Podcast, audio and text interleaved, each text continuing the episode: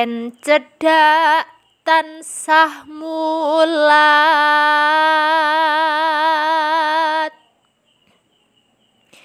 Sida asih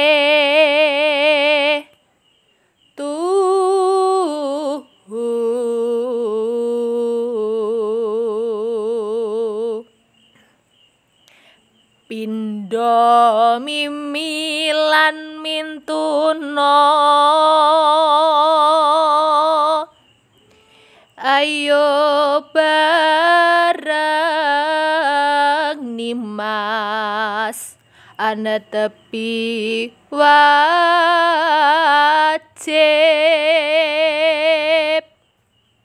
Sito asep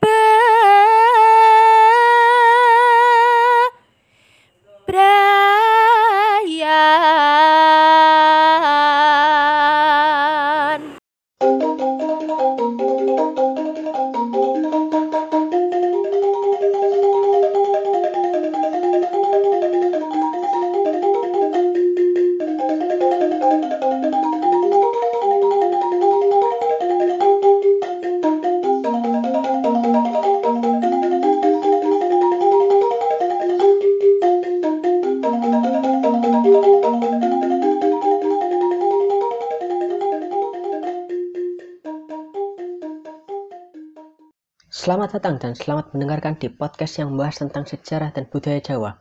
Sebelumnya, semua pembahasan yang dipaparkan ini berasal dari sumber yang masih penuh dengan kekurangan, dan semoga bisa menambah wawasan kalian. Pembahasan kali ini adalah tentang tembang mocopat. Tembang mocopat adalah tembang atau puisi tradisional Jawa. Mocopat sendiri merupakan kepanjangan dari moco, papat, atau dibaca empat-empat. Yang dimaksud empat-empat adalah suku kata yang terjalin lalu ditembangkan. Masing-masing tembang mocopat memiliki baris kalimat yang disebut gotro dalam setiap bait, sedangkan dalam setiap gotro tersebut ada guru bilangan atau bilangan suku kata yang diakhiri dengan saja akhir atau bisa disebut juga dengan guru lagu. Tembang mocopat sendiri terdiri dari guru gotro, guru lagu, dan guru wilangan yang sudah disebutkan di awal tadi. Guru gotro dalam tembang mocopat adalah banyaknya jumlah baris dalam satu bait. Guru lagu adalah jatuhnya bunyi pada setiap akhir baris dalam satu bait tembang mocopat. Terakhir adalah guru wilangan yaitu merupakan banyaknya suku kata pada setiap baris. Tembang mocopat sendiri juga memiliki sifat pada setiap tembangnya. Tembang mocopat sendiri terdiri dari 11 tembang mocopat. Salah satu contohnya adalah yang sudah ditembangkan tadi di awal-awal. Diperkirakan bahwa mocopat mulai muncul antara akhir zaman Mojopahit dan mulainya diprakarsai oleh Wali Songo. Kesebelas rangkaian puisi Jawa tersebut masing-masing mewakili tahapan hidup manusia. Dari lahir hingga akhir, Penggambarannya adalah seperti ini dan 11 jenis tembang mocopat. Yang pertama adalah Mas Kumambang. Mas Kumambang adalah tembang pertama. Ini mewakili tahap kehidupan di mana manusia masih berupa janin yang terapung-apung, kemambang atau masih diambang-ambang antara itu laki-laki atau perempuan tidak ada yang tahu yang berada di dalam kandungan ibunya. Tembang Mas Kumambang memiliki ciri-ciri sebagai berikut. Guru gotro dan guru lagu 12I, 6A, 8I, 8O, dan memiliki guru wilangan 4. Sifatnya yaitu menggambarkan karakter kesedihan atau duka, serta suasana hati yang nelongso atau bimbang. Dan tembangnya seperti ini. Tekad kula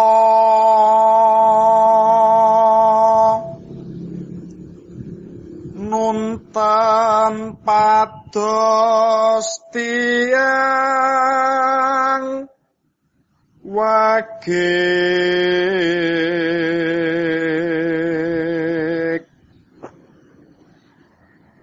ingkang sugih japa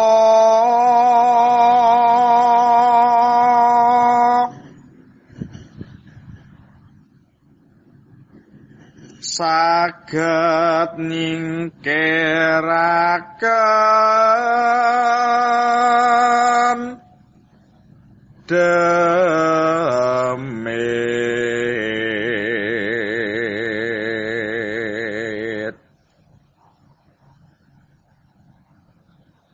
Nadyan kedah tombo marto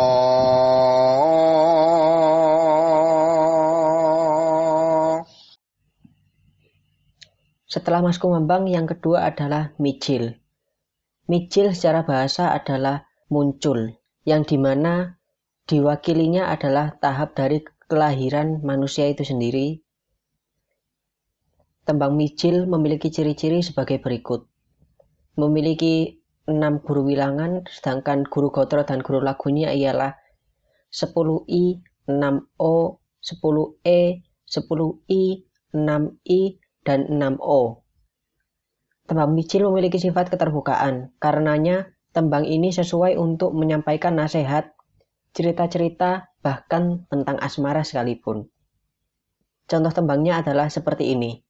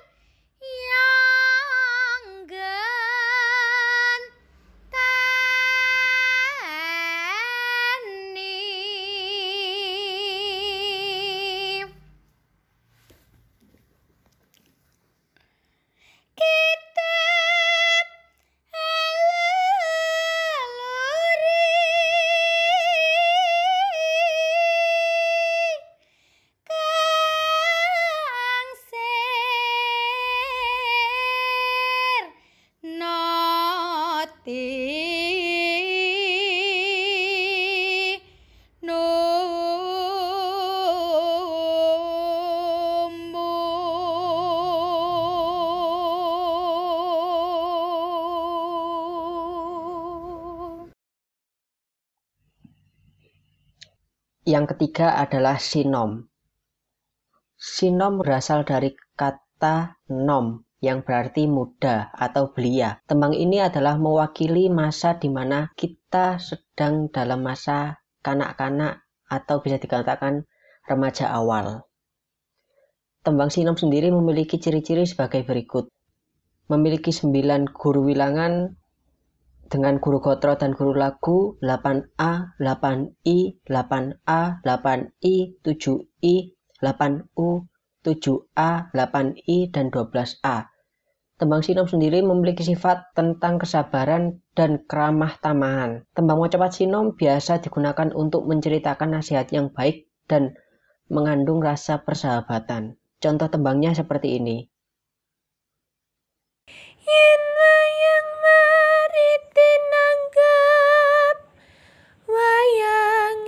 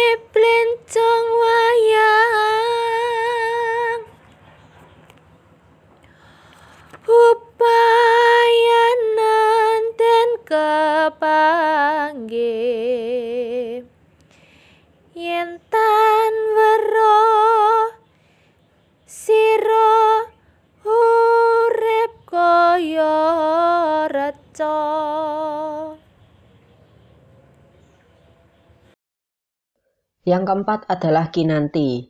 Kinanti merupakan masa ketika anak-anak masih dibimbing atau dikanteni oleh orang tua. Tembang kinanti memiliki ciri-ciri sebagai berikut. Memiliki enam guru wilangan dengan guru gotro dan guru lagu 8U, 8I, 8A, 8I, 8A, dan 8I. Tembang kinanti sendiri memiliki sifat tentang kesenangan, teladan yang baik, nasihat, dan kasih sayang. Tembang kinanti umumnya digunakan untuk menyampaikan cerita atau kisah yang isinya menggambarkan tentang nasihat yang baik dan tentang sebuah kasih sayang.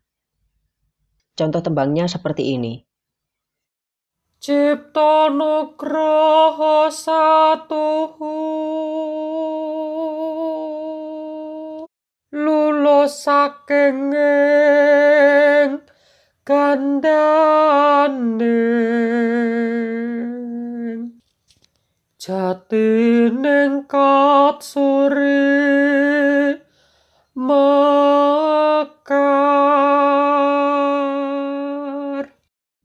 wasir napa poning? Kan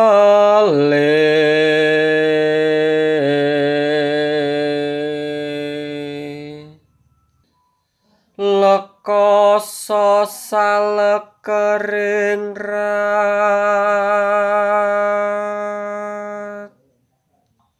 Pamulang kang angenomi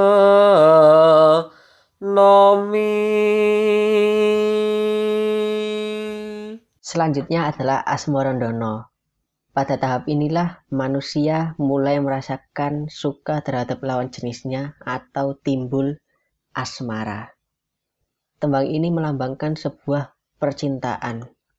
Tembang Asmorondono sendiri memiliki ciri-ciri sebagai berikut, memiliki tujuh guru wilangan dengan guru gotro dan guru lagu, 8I, 8A, 8E, 7A, 8A, 8U, 8A.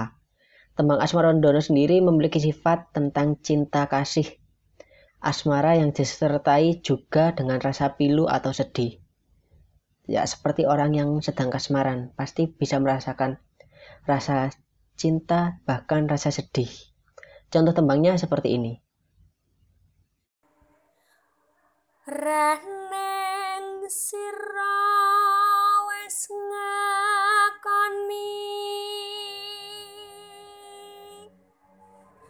benjang lamun sira pecah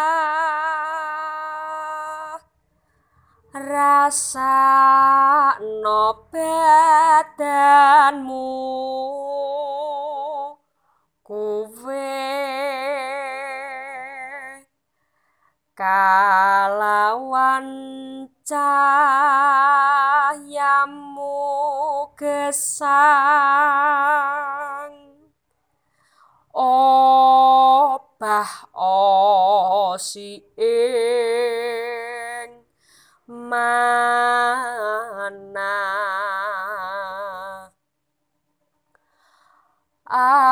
Anggawa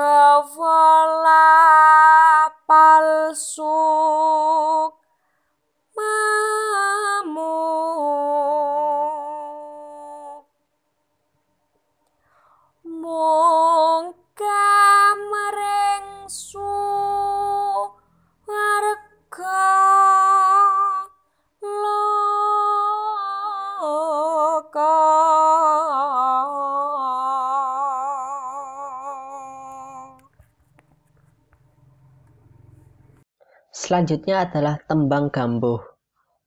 Tembang gambuh ini berasal dari kata jumbuh yang berarti cocok. Bila sudah ada kecocokan, maka pasangan yang tadinya kasmaran atau yang menjalani asmoro akan melanjutkan ke jenjang yang lebih serius atau pernikahan dengan kejumbuhan mereka. Tembang gambuh memiliki ciri-ciri sebagai berikut. Memiliki lima guru bilangan dengan guru gotro dan guru lagu 7U, 10U, 12I, 8U, dan 8O. Tembang gambuh memiliki sifat tentang keramah tamahan dan persahabatan. Tembang gambuh biasa digunakan dalam menyampaikan cerita-cerita kehidupan. Contoh tembangnya seperti ini. Samangko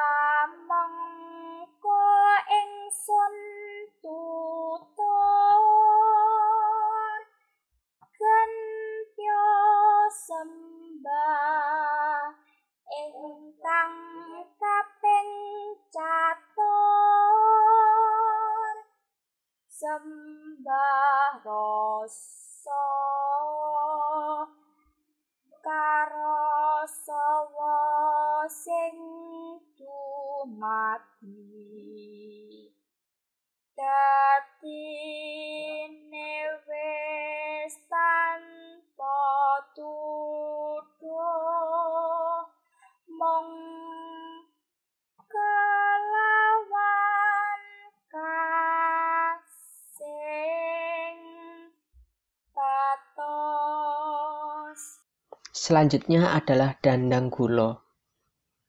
Dandang adalah tempat untuk menanak nasi, sedangkan gulo mewakili rasa manis. Tahapan ini adalah di mana seorang manusia mengarungi manis hidupnya dalam berumah tangga. Tembang dandang gulo ini memiliki ciri-ciri sebagai berikut. Memiliki 10 guru bilangan dengan guru gotro dan guru lagu 10I, 10A, 8E, 7U, 9I, 7A, 6U, 8A, 12I, dan 7A. Tembang dandang gulo ini memiliki sifat yang universal atau luas dan merasuk dalam hati. Tembang dandang gulo bisa digunakan untuk menuturkan kisah tentang berbagai hal dan dalam kondisi apa pun, terutama dalam kondisi hidup. Contoh tembangnya sudah ada di awal podcast ini. Kalau kalian penasaran, bisa kalian dengarkan lagi. Selanjutnya adalah Durmo. Durmo berasal dari kata Dharma yang berarti dengan sesama.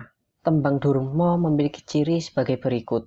Memiliki tujuh guru wilangan dengan guru gotro dan guru lagu 12A, 7I, 6A, 7A, 8I, 5A, dan 7I.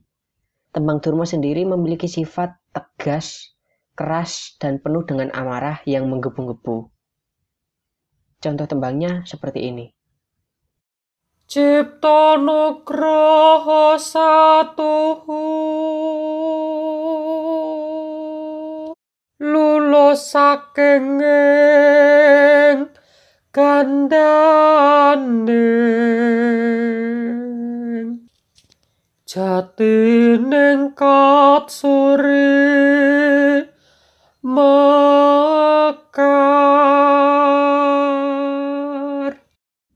Wasir napa poning kale.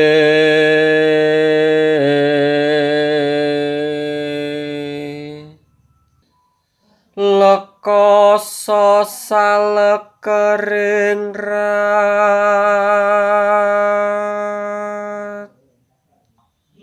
Pamulang kang angenomi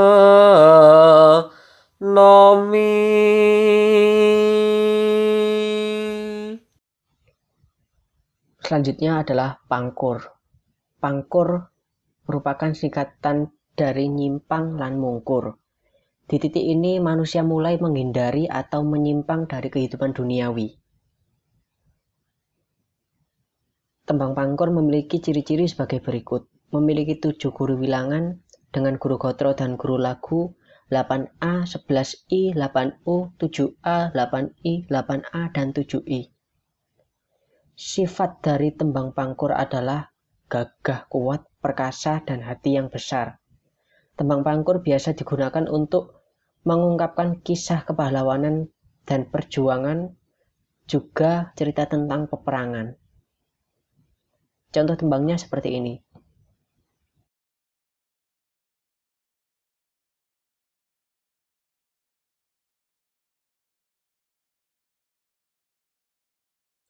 Tondo kawruh hira mentah. Nora mateng terus ing lair batin. Kena pucuke wong busuk. Wani bapa tur raja mung kesusu kepingin jumeneng ratu muter ing ratanah Jawa sinome norapi nikir Selanjutnya adalah megatro. Megatro berasal dari kata megat atau pisah dan ruh atau roh. Merupakan tahap ketika nyawa berpisah dari raga, sehingga dapat dikatakan bahwa megatro memi- mewakili fase kematian. Tembang megatro memiliki ciri-ciri sebagai berikut. Memiliki lima guru bilangan dengan guru gotro dan guru lagu, 12U, 8I, 8U, 8I, dan 8O. Tembang Megatro sendiri memiliki sifat tentang kesedihan dan kedukaan. Tembang ini biasanya digunakan untuk menggambarkan rasa putus asa dan kehilangan harapan. Contoh tembangnya seperti ini.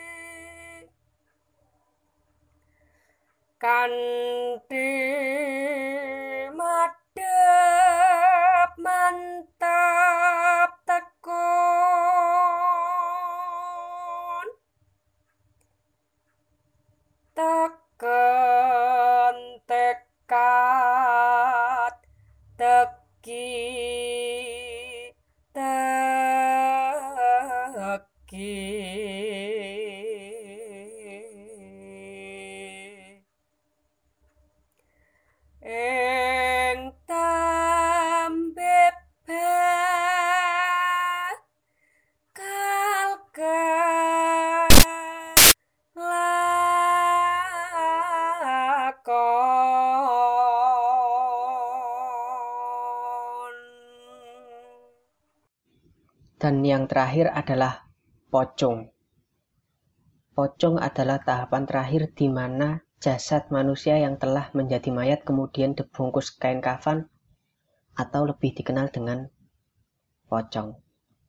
Memiliki ciri-ciri sebagai berikut. Memiliki empat guru bilangan dengan guru gotro dan guru lagu 12U, 6A, 8I, dan 12A. Tembang pocong sendiri memiliki sifat kebebasan dan tindakan sesuka hati. Tembang pocong biasa digunakan untuk menceritakan lelucon dan berbagai nasihat. Contoh tembangnya seperti ini. raga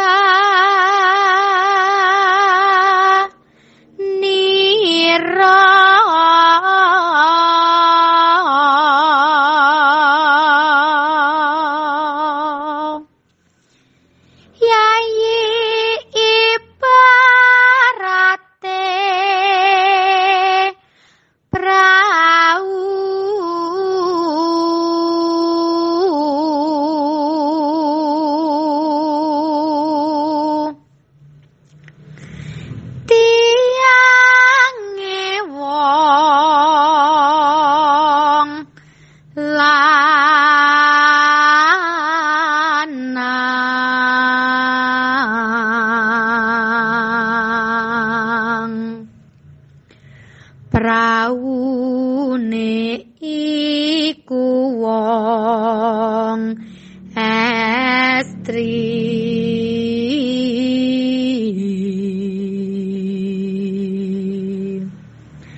aran wong mong wong dadi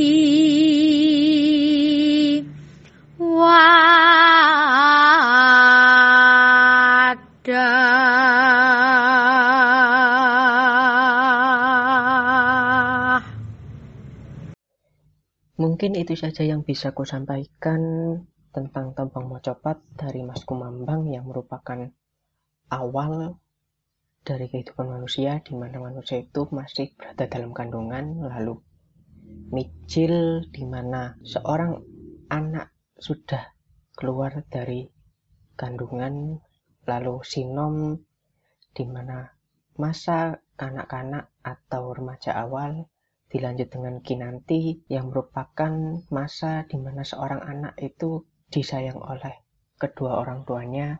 Lalu asmorondono di mana seorang anak atau remaja yang sedang menjalani asmara dan dilanjutkan dengan gambuh di mana ada suatu kecocokan hingga akhirnya dilanjutkan ke jenjang pernikahan dan dandang gulo di mana seorang manusia menjalani pahit manisnya kehidupan lalu durmo yang merupakan tahap dari sesama atau menjalani lebih tentang keagamaan lalu ditambah dengan pangkur yang merupakan nyimpang dan mungkur di mana titik ini manusia sudah menghindari dari titik kehidupan keduniawian lalu megatruh di mana manusia terpisah tubuhnya dengan rohnya lalu pocong yang terakhir di mana manusia dibungkus kain kafan dan terima kasih juga untuk teman-teman yang sudah membantu dalam menembangkan tembang mocopat ini yaitu Aci, Rifki, Bening, Dewi, Mbak Reri, Linda Ayu, dan Adinda Melia Septiana. Kuhaturkan beribu-ribu terima kasih. Kalau ada salah kata, mohon maaf sebesar-besarnya. Kalau ada kritik dan saran, silahkan dikirimkan ke email atau DM sosmedku yang sudah dicantumkan. Karena aku tahu bahwa pembahasan ini masih jauh akan kata kesempurnaan dan penuh akan kekurangan. Untuk itu, dukungan dan kritik maupun saran yang membangun dari kalian sangat membantu demi, demi perkembangan konten ke depannya. Sekian dan salam perputaran.